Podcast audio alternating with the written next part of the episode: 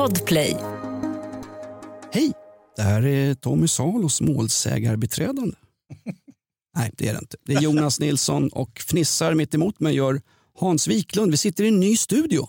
Mm. Det har gått så förbannat bra så att de har beställt in nya möbler. Nej, de har beställt in möbler. Förut fanns det ju ingen inredning. Kommer du ihåg? Det var ju bara madrasserat här inne. Faktiskt, faktiskt. Stort tack till Kriminalvårdsverket som lät oss eh, få låna era lokaler länge. Nej men eh, demonproducenten Oliver i studion, ni har byggt om hela studion, ni har ju beställt varor i januari. Nu dök de upp. Ah. Det är ju längre, det är ju längre leveranstid än ett asylärende hos Migrationsverket. Är de ergonomiska de här, får jag fråga? Men du och jag har inga ergonomiska kroppar längre Hans. det Vi tillhör den... En jävla ostbåge. Du, har, du också fått, har du också börjat få det där att man får eh, brev hem? Har du funderat på seniorboende 55 plus? Ja. Det är som att få en smäll på käften. Jag fick det förra året. Jag är ju som en 17-åring i skallen. Där får vi prata om någon gång. Ja, verkligen.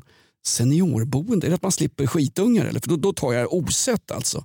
Va? Helst i Tensta som inte har utegångsförbud. Vi kommer med en dementi i veckans avsnitt av Off Limits. Vi ska dessutom lösa Estonia-gåtan. Vi ska fortsätta jaga sommarhus från senildement 81-åringar åt Ebba Busch Thor. Och eh, vad har vi mer på gång Hans? Du har ju din polare, han med eh, burka, Isis-resenär nästan. Rektor Hamid. Just det, han är så långt ifrån Israels ambassadör i Sverige man kan komma. Ja, han, ska, han ska få återupprättelse här nu. killen som straffar ut sig själv i På spåret. Eh, vi har mycket på gång, lite för mycket. Vi ska dessutom ta upp eh, Tommy Salos eh, Ja, han råkar byta ut sitt alkolås mot en flashlight och bli gripen av polis med 3,06 promille. Ja. Stackars Tommy Salo.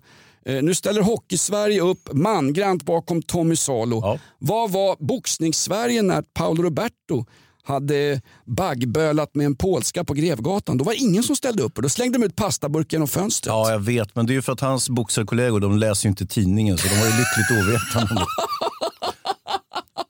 Den mediala överklassen är på plats. Mitt emot mig sitter Hans Wiklund därför att ordinarie ledamot i Svenska Akademien här i Off Limits, Jakob Ökvist, är fortsatt eh, sjukskriven för av säkerhetsskäl.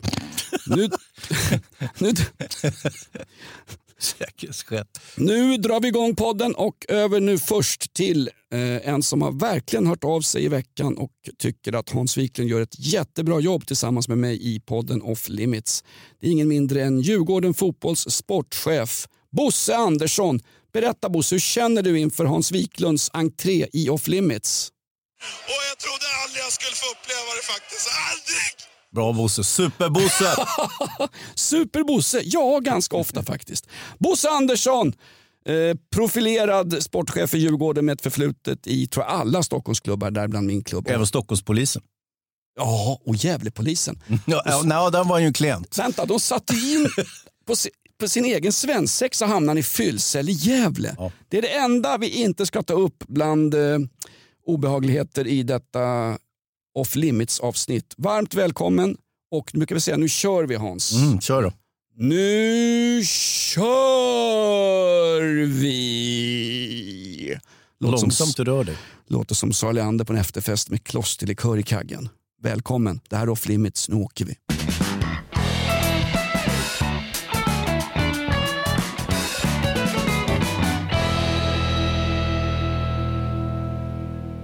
Ja, de säger att poddvärlden det är det nya. Det är det som ska slutligen krossa och förinta radion ungefär som finska skidtrupper krossade ryska bolsjevik-kommunistregementen vid Sallafronten 1900. Året var Hans, 44, du kan det Eh, där. Fyra. Hans Wiklund, kul att du är här. Ja, tack. Vad tycker du om nya studion? Är det en ny studio? Nej, men det får ge dig. Men du vet, jag bryr mig inte om yttre saker Jonas. Jag är märkligt be- obekymrad och obrydd om, om min närmiljö. Du är väl förbannat ytlig. När du fick låna en kompis Bentley och körde runt alldeles för fort här. eh, Då, det var det enda du pratade om den där Bentleyn. Fick du, fick du köpa den sen eller fick du låna den ytterligare? Nej, hans exfru tog den. Nej, är det sant? Herregud. Höll på att bli en Tommy Salo där ju. Ja. Vilken skandal det har varit då. Ja. Tommy Salo, 3,06 promille i blodet och du säger att det är ett, vad är det för straffsats? Är det, är det vanlig rattfylla eller? Jag spelar oinsatt men jag vet exakt Nej, men det är, alltså, grov, grovt rattfylleri går ju vid en promille så att, eh, det är grovt. Jättegrovt. Ja. Jättegrovt finns inte som straffsats, men, men det är en grov rattfylla. Tommy Salo, gammal eh, hockeymålvakt. Mm, verkligen. Eh, och var någon som sa att eh, den enda, den enda vad var de sa, den enda isen han hade med sig i bilen, den enda isskrapan han hade med sig var till tequilan. Ja. Han, polisen hittar honom alltså på motorvägen utanför Köping när han har kört in i räcket och är ej kontaktbar. Det tog en timme innan de kunde prata med honom. Ja. Alltså.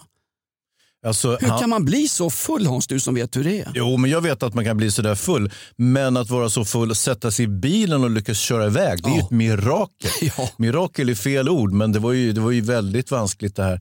Men jag vet inte, det är någonting med Tommy Salo. Kommer du ihåg när han släppte in pucken mot virus, Vitryssland som inte hette Belarus på den tiden utan hette Vitryssland? Ja, men det är ju lite rasistiskt Vitryssland. Va? Det här vit, vitheten, vithetsnormen. Va?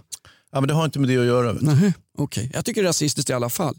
Indien har ingenting med indian att göra, men det är förbannat rasistiskt. Ja. Nej, men, hans tavla i hockeyn har ju blivit någonting som plågar honom än i denna dag. Mm.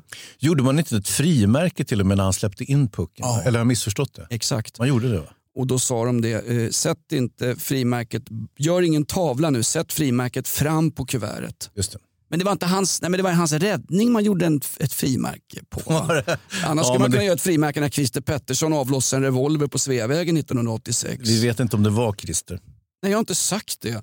Vem, vem, vem har sagt att det Han har aldrig avlossat en revolver på, på Nej. Sveavägen. Det är så bra när man i Palmeutredningen säger ja, Christer Pettersson har ju aldrig använt vapen. Nej, han är inte dömd för att ha använt vapen men det kan man ju förbanne mig ha gjort ändå. Jag är aldrig dömd för rattfylla men jag har kört bil onykter i min dumma jävla ungdom kan jag Va? Ja, exakt. Det- Inte Men det är på, preskriberat nu. det är absolut, hela mitt liv är preskriberat. Ja, man kan bara dra ett streck och gå vidare. Vända blad som en del säger.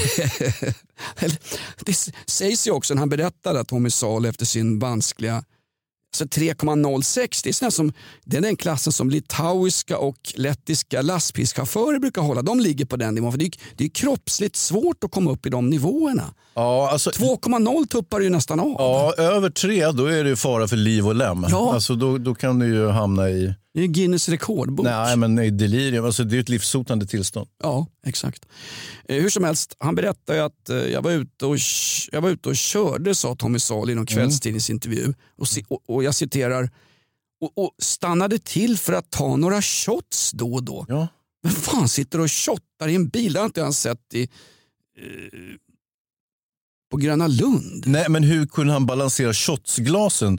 Det, alltså, jag kan förstå om han stannar till, öppnar flaskan och dricker. Men han, han shottar, så då har han med sig shotsglas. Då. Frågan är, har han fyllt på dem, ställt dem på instrumentbrädan, balanserar detta medan han kör? Han, kör- det är därför han kör så sakta, förstår du. Han, det är ju ingen fartdåre, va? utan han, han ligger där i 30 knop och skrapar. Han körde in i vägräcket, medtrafikanter larmade ju polis. Och vad hände då med shotsglasen när han körde in i vägräcket? Troligtvis så föll de omkull. ja. Det är min Och- gissning bara. Om det nu, alltså, det kanske är ett språkligt eh, missförstånd här. Att shotta, det kan ju vara att man sitter, jag vet inte vad hockeymålvakter gör, men sitter man, kan man inte shotta direkt ur flaskan? Eller? Jag är ju från Vällingby, vi har ju Mm. shottat ur flaskor. Aha, nej, nej, det är ju inte vi på Stureplan. Nej, okej. Det finns inte möjlighet. Men visst, det, det kan vara ett språkligt missförstånd. Det, det är många språkliga missförstånd som får stora konsekvenser. Jag tänker på den här eh, utegångsförbudet i Rinkeby, Tensta. Tensta. Mm. Titta, jag kan inte hålla isär. Men det, men det är ju alltså Järva. Ta det lugnt nu. Södra Järva. Ja, Vi kan sammanfatta och slipper man detaljera. ja precis. Eh, Det var ju snack om det i veckan. Ja, det, var det också ett språkligt missförstånd? Ja, de gängkriminella i, de, de har förnekat det här ungefär som, eh, vad heter det, Eh, den här vad heter klansamhället i Angered förnekade att det var de som styrde i Angered. Ja. Det är klart att de borde göra det. Nej men hon, hon har varit med i den här podden tidigare, Therese Rosengren, hon är ju, De är chef där ute för polisen. ja, Mm. hon är ju uh, Rinkebypolisens chef, alltså Sveriges mest brottsutsatta polisområde. Skulle jag tro, jag vet inte, du är krimmaren här. Ja, eh, det mest eh, brottsutsatta området är faktiskt precis där jag bor, Norrmalm. Jag tror det var anusöppningen som var mest brottsutsatt. Inte, nej men det är det inte. Jo, det är det. Nej, men det är för att ni, an, ni, därför att när ni bor så där tryggt och ni anmäler ni som bor inne i stan, då kommer polisen. Vi är ute i förorterna, om vi anmäler kommer det ingen snut så vi tänker det är ingen idé. Alltså, det är det som är resonemanget. kan vara Jag vet inte, men, men statistiken talar sitt tydliga språk. Det är det mest eh, brottsutsatta området i hela Sverige. Är det så? Okej. Nej, Jag får lita på statistik då. Jag är trots allt eh, inte Anders Tegnell på FOM. Nej. Eh, eller hans eh, mentor Giesecke. Nej men hon Therese Rosengren, på- stationsbefälet i Rinkeby sa ju att ja, det var väldigt vad det här blev uppförstorat när jag sa att de gängkriminella hade beordrat utegångsförbud i Tensta. Mm. De var ju på plats Sveriges Television i veckan och då fick de tag i en äldre folkpensionär som jag fördomsfullt fick för mig var eh, etnisk svensk. Får jag, Va? säga, får jag säga det? Där ute Ja, men det finns massor med... kan det ha varit någon som de har bara kört dit, alltså med, med färdtjänst och ställt där. Det kan det vara. Jonas Sjöstedts morsa. Nej men hon sa, ja jag vet inte var de får allt ifrån. Utegångsförbud här? Nej. Men då var det väl så att hon var väl då corona eh, målgrupp så hon satt väl inne kanske i alla fall. Och sen frågade de en kille i en tobaksaffär, han sa det här är löjligt. Eh, de flesta som bor här är självklart laglydiga medborgare och har självklart samma rätt till samhällskontraktet. Jag betalar hög skatt, jag vill ha trygghet där jag bor, jag vill ha samhällsinstitutioner som fungerar inom rimliga gränser. Och då sa hon, eh, Therese Rosengren, polisen, ja det blev lite fel det där. Vad som hade hänt var att det var några äldre kriminella som hade bett unga barn, Och gå hem och äta. ja men typ gå hem. Stå inte här och käka godis, gå hem med nu är det kväll. Ja. Och sen hade det här feltolkats via någon polispatrull så att, att det var utegångsförbud i Tensta var inte med sanningen överensstämmande. Och det är någonting som Off Limits är noga med. Så att det är sanningen, den oförmedlade sanningen som ska ut. Ja. Jag hade ytterligare en krimnyhet som också var svår, språkförbistring alternativt någon form av missförstånd. Och det var ju en, det här ärendet som utspelade sig i Norrland med en herre som skulle hyra en lastbil eh, av en kille och sen så sket han i det och hyrde av en annan kille. Den första killen med, med lastbilen eller traktorn blev förbannad, klappade till eh, målsägaren Som man gör. Ja, och sen utvecklade det sig till någon form av brottningsmatch där målsägaren, eh, där gärningsmannen fastnar med sin hand inne i målsägarens mun och är tvungen att hjälpas av ett vittne för att få ut handen ur munnen. En så kallad fist, en oral fistfucking. Ja, det stämde inte. Men vilken, gjorde det inte? Nej. Det har du sagt i radio. Kan man inte lita på Hans Wiklund kan man inte ens lita på eh, Jonas Sjöstedt. Nej, nej Vad men, det, var det då? nej, men det var ingenting. Det var en Det var- vanlig smäll på käften.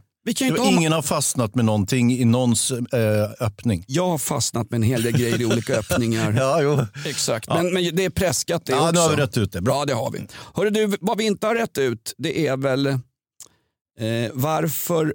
Eh, alltså det, det, det är nya spår på gång. Vet du vem Emanuel Karlsten är? Nej. Det är en journalist, förbannat duktig. Eh, så ska man alltid säga. ja. Förbannat duktig. Han är bland annat krönikör på Göteborgs-Posten och han har ju lagt sig i den här debatten med, jag vet att jag tjatar om det här, men jag har ju hang-ups på olika grejer. Jag har just lyckats släppa uh, Bosse Hansson via svår uh, posttraumatisk stressterapi. Men det här med Frölunda Indians och allting. Ja, ja, ja, de skulle byta namn. Ja. De fick inte heta Indians. Just det, precis. Ja. Eh, och Emanuel Karlsten har varit inblandad i det där. Han är verksam från Göteborg och har en stor satans blogg som en massa folk besöker. Vem besöker bloggar ens nu för tiden? Jag besöker, finns, det, finns det porrbloggar måste jag börja med, men vem besöker en blogg? Det skulle du inte fråga mig. exakt, exakt. Eh, nej men då eh, så vi, sökte vi en förklaring. Varför var Indiens då ett rasistiskt uttryck? Ja, Glenn Hysén och andra på vår intellektuella nivå fattar ju inte ett skit. Men jag fick, jag fick svaret i veckan. Därför att det var nämligen en intervju med en konstnär i Göteborg som heter Grahams daughter. Hon heter eh, Anthony Grahams daughter. Hon förklarar glasklart varför Frölunda Indians var tvungna att byta namn. Okej, låt höra. Ja, här är hon. Grahams dotter förklarar varför Indians tog bort hos Frölunda Hockey. Nej, det är ingen hyllning. Nu sitter jag där i, på den här stadion och tittar ner när ni startar ert ishockeyspel. Och vad ser jag liggande där på isen? Ett avhugget huvud av en hövding. Där ishockeyspelarna åker genom munnen och ut på Själva entrén. Ja, ja. Och du menar att det är ett helvete? Alltså, du menar att, att man Det åker ut till indianhövdings kränkande. huvud? Nej. Det är ju för fan en Men det hyllning. det är kommer vad Tycker du att det är en hyllning? Ja, det tycker jag. Ett avhugget huvud. Ja, men resten av kroppen ligger ju under Skandinavien. Bra Hysse! Det, för mig... Men, det, hur orkar det, du gå in på För mig, för mig, jag ser en dödsrelik.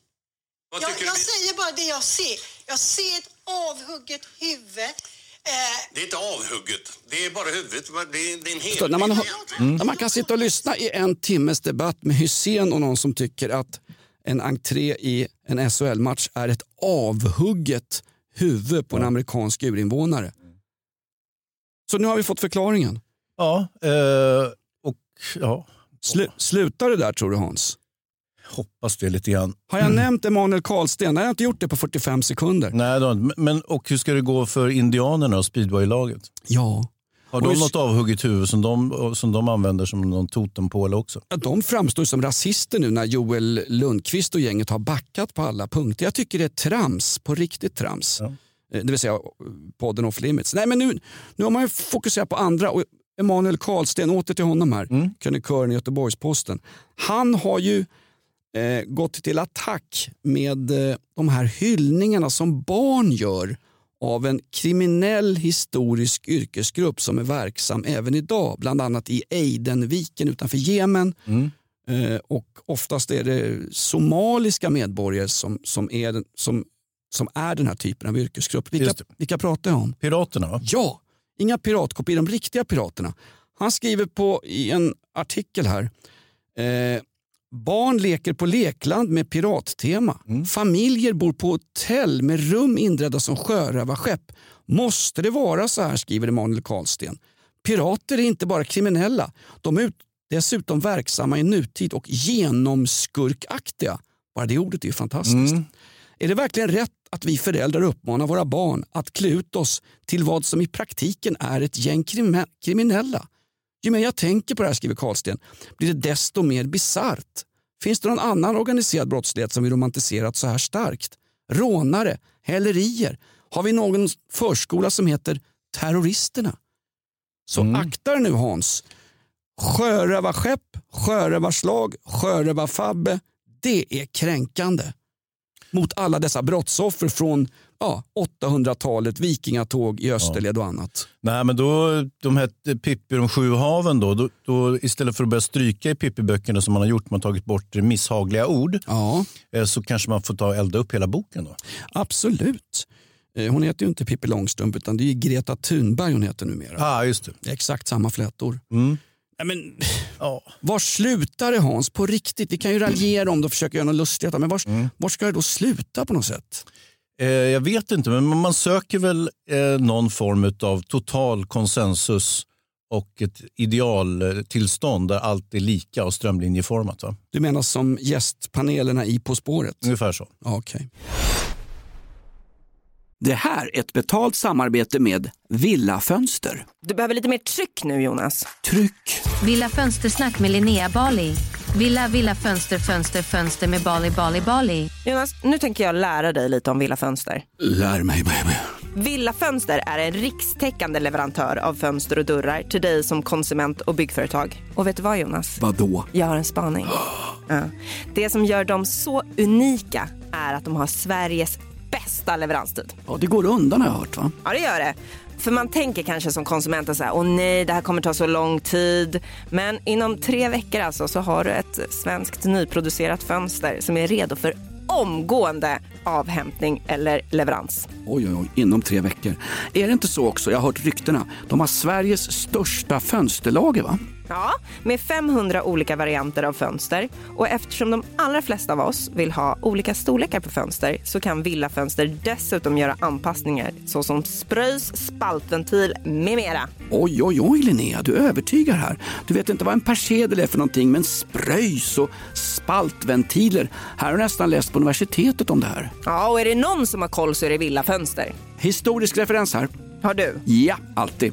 Ända sedan 2008 så har Villa Fönster alltid haft visionen att erbjuda kvalitetsprodukter till rätt pris och kortast möjliga leveranstid. Ja, Jag är nöjd Med vad då? med vårt villa fönstersnack. Villa Fönstersnack med Linnea Bali. Villa, villa, fönster, fönster, fönster med Bali, Bali, Bali. Tack Villa Fönster. Ett poddtips från Podplay. I fallen jag aldrig glömmer djupdyker Hasse Aro i arbetet bakom några av Sveriges mest uppseendeväckande brottsutredningar. Går vi in med hemlig telefonavlyssning och, och då upplever vi att vi får en total förändring av hans beteende. Vad är det som händer nu? Vem är det som läcker? Och så säger han att jag är kriminell, jag har varit kriminell i hela mitt liv men att mörda ett barn, där går min gräns. Nya säsongen av Fallen jag aldrig glömmer på Podplay.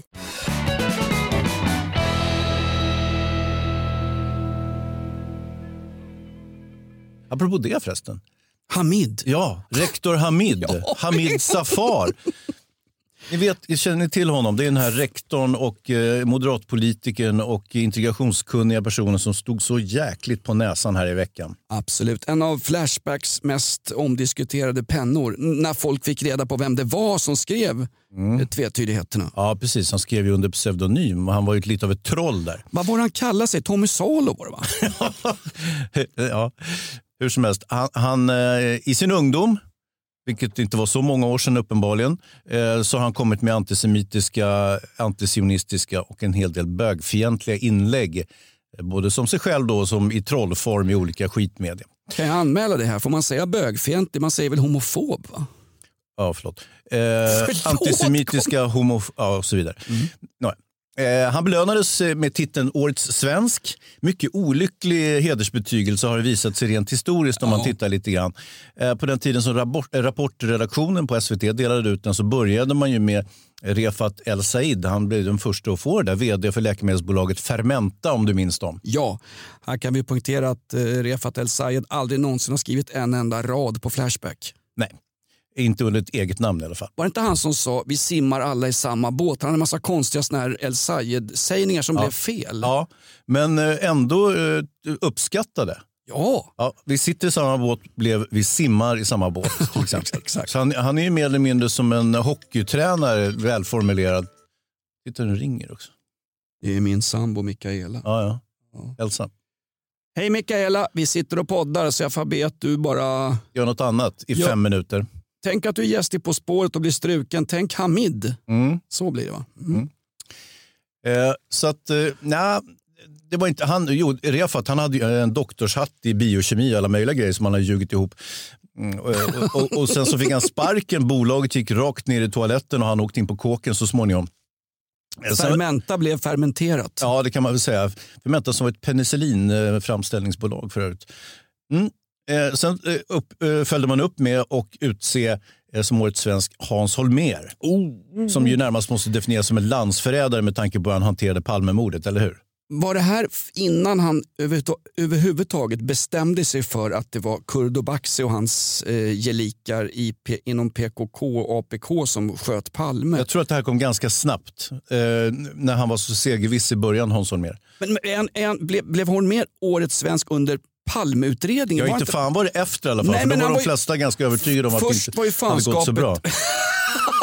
Först var ju fanskapet rikspolischef också. Ja, visst, visst. Och hade ihop det och låg ju sked med Ebbe Carlsson. Allt det där är ju... Ja, promen- det så fick Ebbe Carlsson också. Nej, sluta Titta nu. Nej. Jo, Nej, visst. det var ju en topplista Ja, här. ja, ja. Eh, och sen... Eh, eh, Ska vi förklara lite kort för våra yngre lyssnare, alla som har bott på Bosse Hanssons sommarläger. Vem var Ebbe Carlsson? Han började som eh, inom IB, informationsbyrån som Jan Guillou avslöjade som so Socialdemokraternas hemliga polis kan vi säga. Va? ja, det kan man väl Något sånt där. säga. Man registrerar kommunister på arbetsplatser. Ja. Du och jag hade blivit reggade direkt ju. Ja. Han var ju lite av en kommunikatör, en spindoktor, en, en whiskid. Som jag, en snackpåse. Ja, lite grann. Och eh, helt skrupellös och helt utan någon som helst eh, vare sig begåvning eller annat som eh, skulle liksom ha, ha, ha gjort att han kunde befatta sig med Palmemordet. Men det gjorde han i alla fall. Han kände en massa folk. Han kände ju Anna-Greta Leijon Ja. och en massa höjdare inom den socialdemokratiska mm, partinomenklaturen. Precis. Men sen stod han på näsan också tyvärr. Han, begärde, han var ju ordförande i kanotförbundet. Va? Mm. Han begärde att få bli begravd, få sin aska strödd i en kajak som då skulle glida under Västerbron Just det. innan han dog. Han dog nämligen i aids mycket olyckligt. Va? Mm, mycket olyckligt. Nåja. Eh, så att, eh, sen, sen när Rapport till slut tänkte så här, det här går inte bra för årets svensk.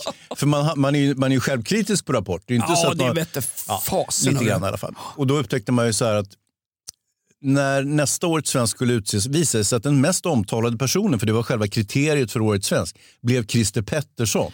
Då tänkte men- man, nej, men- vi kan faktiskt inte utse Christer Pettersson. Han är, ju- han är faktiskt dömd för mord i tingsrätten på Olof Palme. Och då tänkte man så nej, vi viker ner det här.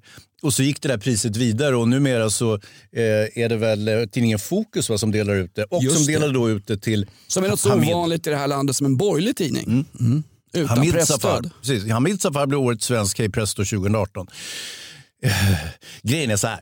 Eh, egentligen så det där med årets svensk det betyder ingenting. Den stora skadan skedde Eh, eh, när, när eh, eh, Sir Hamid, som jag börjar kalla honom nu, utrustades med Sverige, eh, Sveriges eh, Evert Taube-krans i håret. Han fick sommarprata och det är vår motsvarighet kan man säga till att adlas. Så att Sir Hamid tycker jag nu är bättre än det där förra rektor Hamid. Låter lite futtigt. Mm. Jag gav upp sommarprataren när Annika Östberg som eh, gömde puffran till sin pojkvän i USA fick sommarprata. Kom hem och blev kramad på Arlanda. Tack för allt du har gjort för Sverige Annika Östberg. Ja. Vad då? Vad har hon gjort? Vart Kräften hon var med och sköt en polis.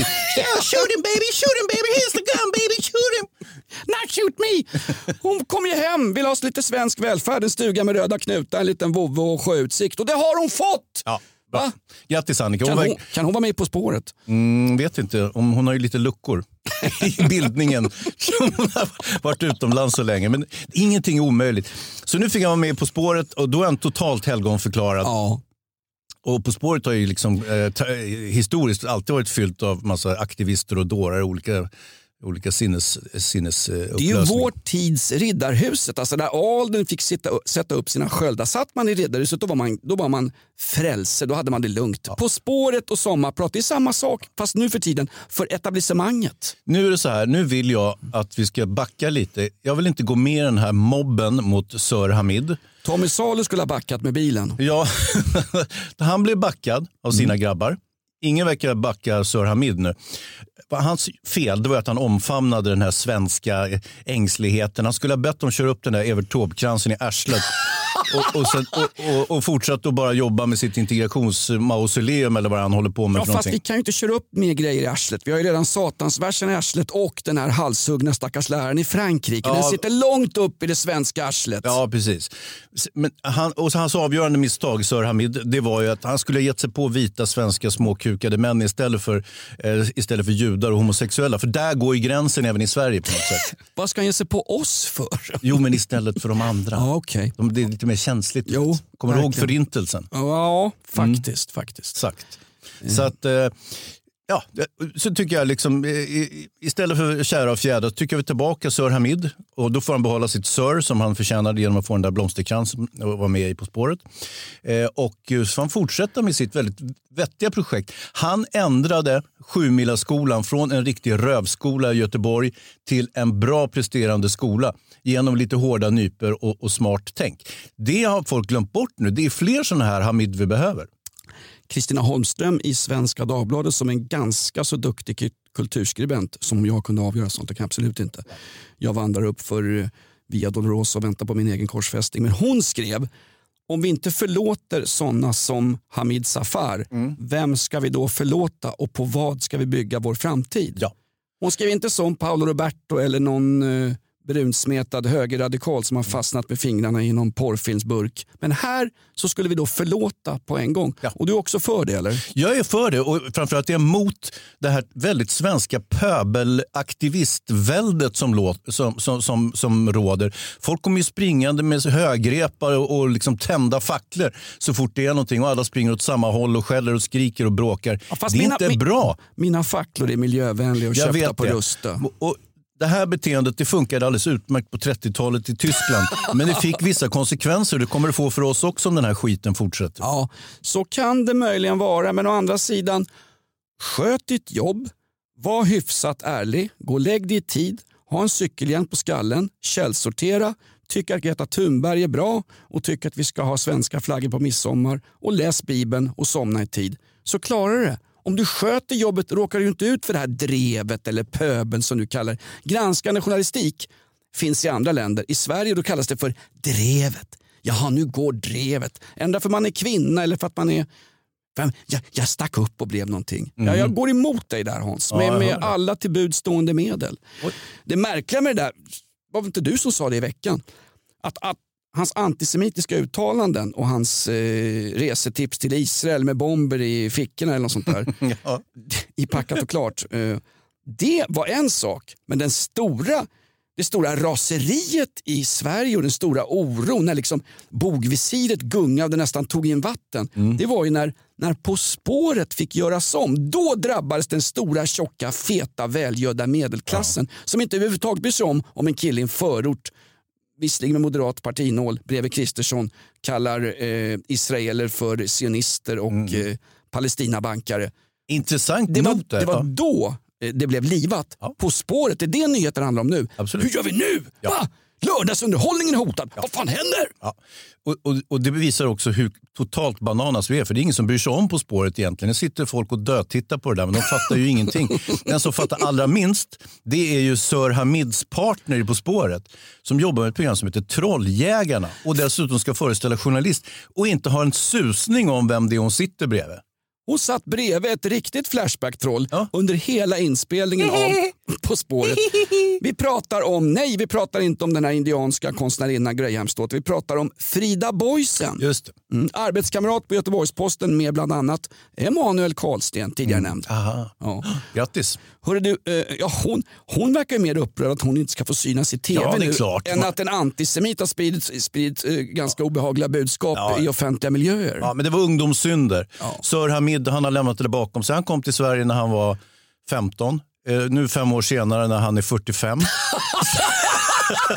så har han lagt de där ungdomssynderna bakom sig. Men ska vi inte kol 14 testa hans knän och se hur gammal han är egentligen? Liksom? Han, kanske har en, han kanske har en farbror som är minister i Irak och fortfarande får pengar. Ja, nu ska vi, men Sir Hamid kom faktiskt hit i vuxen ålder. Ja. Han var vuxen och Ja, erkände. exakt, exakt. Lita aldrig på eh, åldersbestämningar av Nej, Migrationsverket. särskilt inte av oss. eller av Off Limits-podden. Fan, gammal är du egentligen Jonas? Ja, jag är, titta på pungen. va? Ja, jag ser ju, den hänger ju för fan ut genom byxorna så där ska inte se Den, ut. den hänger mer livlös än Tommy Salo plockad på en bil utanför Köping. Han skyller på skilsmässan Tommy Salo. Alltså jag har krökat... Jag med. Jag har Inte krök, ens skild.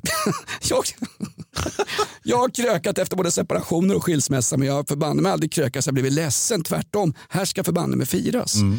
Nej men den där, vad heter det, Hamid-grejen. Jag får bara fråga dig en sak Ja, ja. eh, Hans. Eh, alltså, det råder ju åsiktsfrihet. Han får ju hysa vilka vidriga åsikter han än hyser. Mm. Därför att vi gick ju man ur huse när de, ja, enligt SVT så var det en fransk lärare som blev mördad. Han blev ju halshuggen Mm. för att han hade visat eh, bilder av då eh, Profeten. profeten Mohammed i den här franska skolan. Så blev han halshuggen. Ja, och, ju och, och då går vi ut och försvarar hans, det är hans yttrandefrihet. Men Hamid här då, Sir Hamid som du kallar honom, Mm. har inte han rätt till sin yttrandefrihet? Var i består skillnaden? Ja, det består ju att det Sir Hamid möjligtvis har ägnat sig åt det är en viss form av hets mot folkgrupp och det är ju inte tillåtet. Eh, Det är ju ett undantag i yttrandefriheten. Men skitsamma, det där är teknikaliteter. Alltså jag, får, jag får yttra mig, jag får säga vad jag vill, men sen om någon vill dra mig inför ting, det är ju en annan historia, eller hur? ja, och det var vad de gjorde här. De drog honom ur På spåret. Ja, och han är inte, han är inte förhindrad att ha sina åsikter.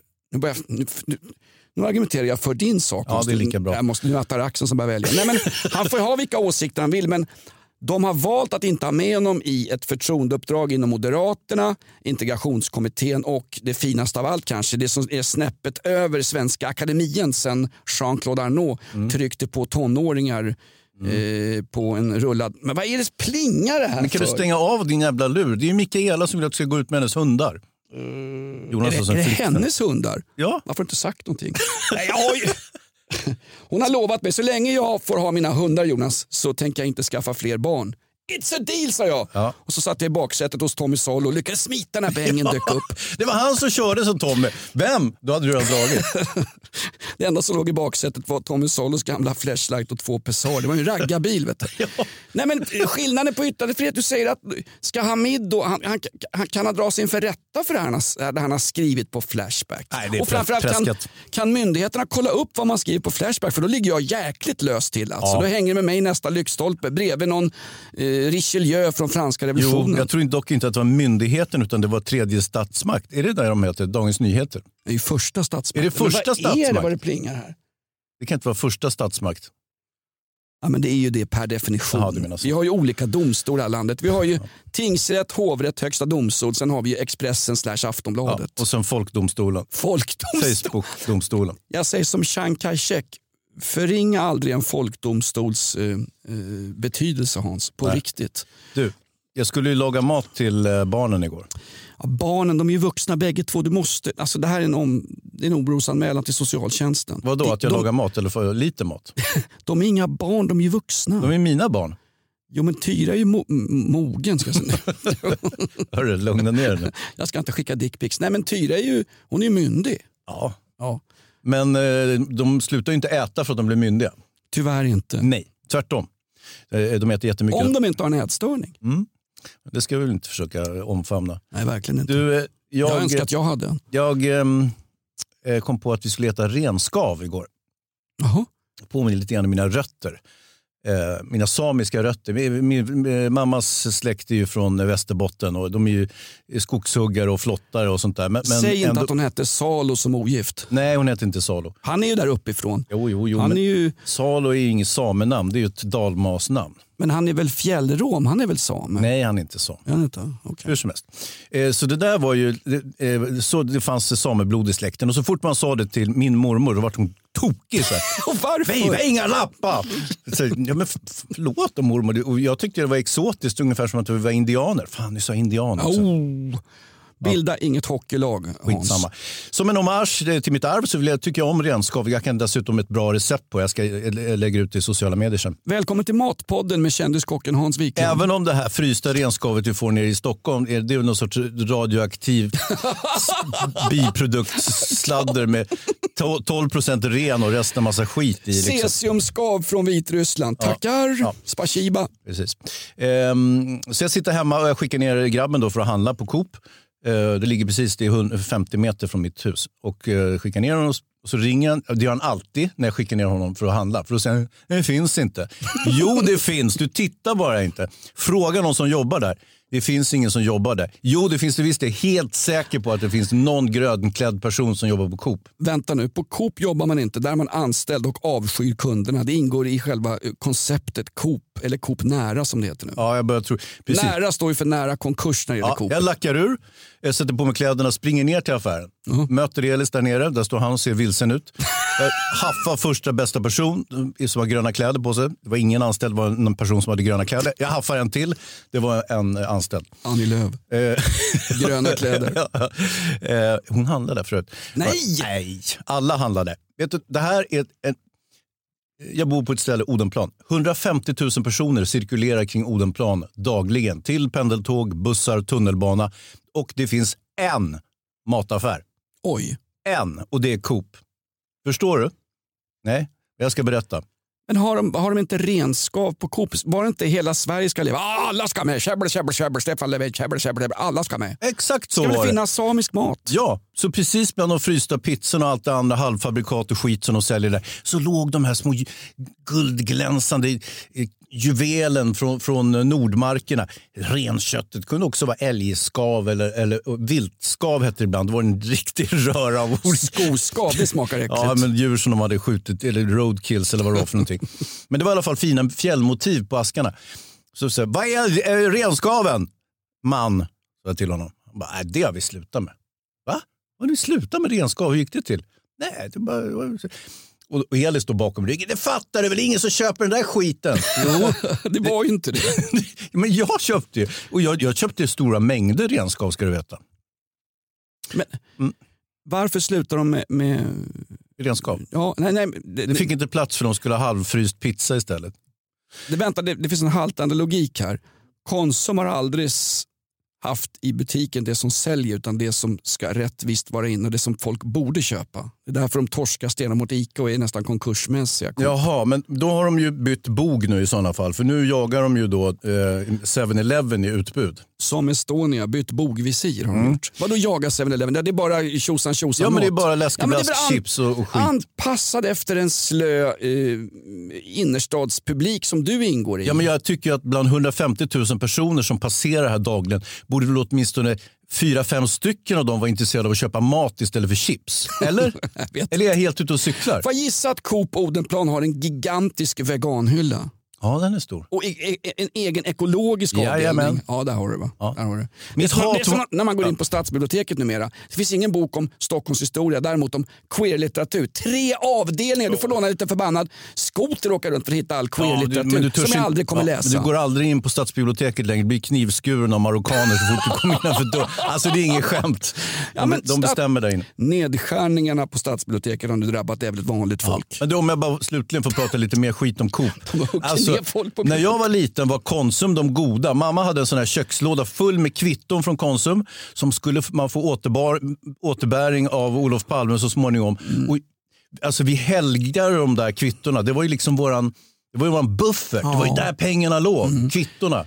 Kan någon trycka på sosselampa där inne? Han är en, har vi har en person med sossebakgrund där. Och så jag välkomnar det. Och så kunde man även lägga önskemål i en låda på, på eh, Konsum och, och sådär. Jag vill ligga med kassörskan med stora tuttarna. Nej, jag, jag var ju 12 år här. Jag Ja, hade ja, inte visst. börjat med sånt ännu.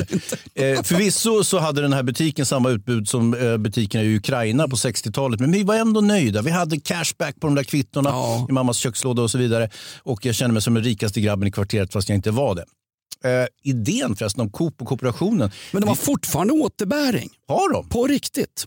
Man får tillbaka det man har ställt till med. Ungefär som eh, Tommy Salo utanför, i en gammal raggarbil utanför Köping. Jag som inte har sparat ett enda kvitto på 40 år. Nej men du behöver inte... Oh. Tänder, släcker sosselampan, tänder digitala lampan. Det, det, går, det går på ditt medlemskort. Vet du. Jäklar, där avslöjar att jag är medlem i Coop. Va, är du? Det är inte jag. Satan! Jag kan, bara, av- kan bara avgå här. Kan jag bara göra en, en, en Sjöstedt och bara avgå? Jag har inget Coop-kort. Jag, jag går aldrig med i föreningar som skulle vilja ha mig som medlem. Det är det är Ja. Groucho Marx gamla säg och det, det står jag för. Eh, samtidigt, det var ju Coop-kooperationen, det var ju nationalsocialistisk idé från början. Det var ju när fascisterna som utvecklade den här i samklang då med det svenska folkhemmet. Va? Eh, Fascisterna? Var det Moderaterna? nej, inte, det var I- inte de som var fascister I på en, den I tiden. en sossekontext var det ju Ja, det. ja, men alltså, Moderaterna var ju inte fascisterna då. Det var ju sossarna. Ica var väl de riktiga fascisterna för Konsum? Ja, det var som Expressen kontra Aftonbladet. Ja, men nej, så var det också. Va? Brunsmetade Expressen. Ja. Jag undrar om de där kvittona finns kvar hemma hos mamma. Jag ska åka och kolla sen när när vi är klara med den här skiten. Hörru du, jag tror att vi är det nu därför att Oliver dyker upp här. Jaha. Du gick precis in i studion, eh, vår demonproducent Oliver som jobbar, när han säger du blir knivskuren av marockaner, säger han helt öppet här. Det är fantastiskt. Är vi klara eh, Oliver? Ja, det är ni. Hans, Mm.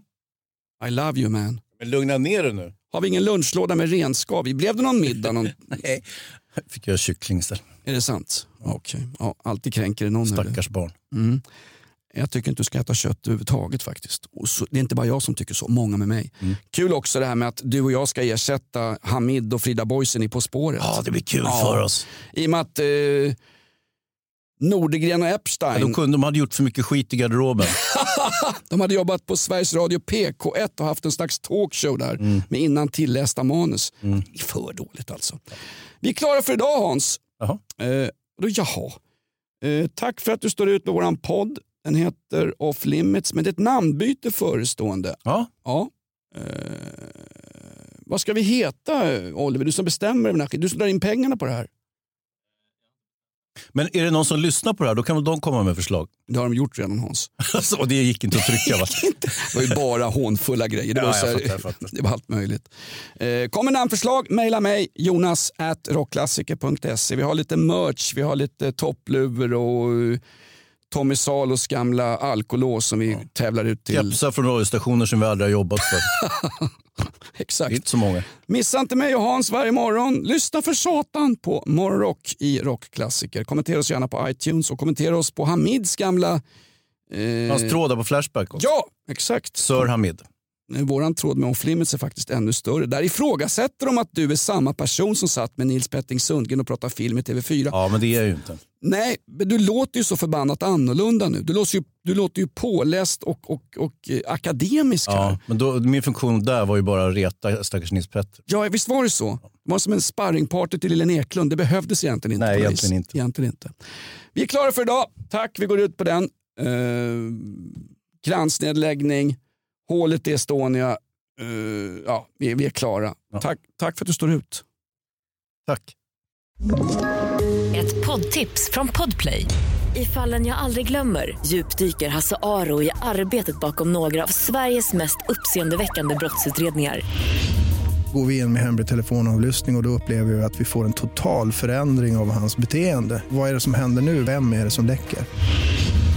Och så säger han att jag är kriminell, jag har varit kriminell i hela mitt liv men att mörda ett barn, där går min gräns. Nya säsongen av Fallen jag aldrig glömmer på Podplay.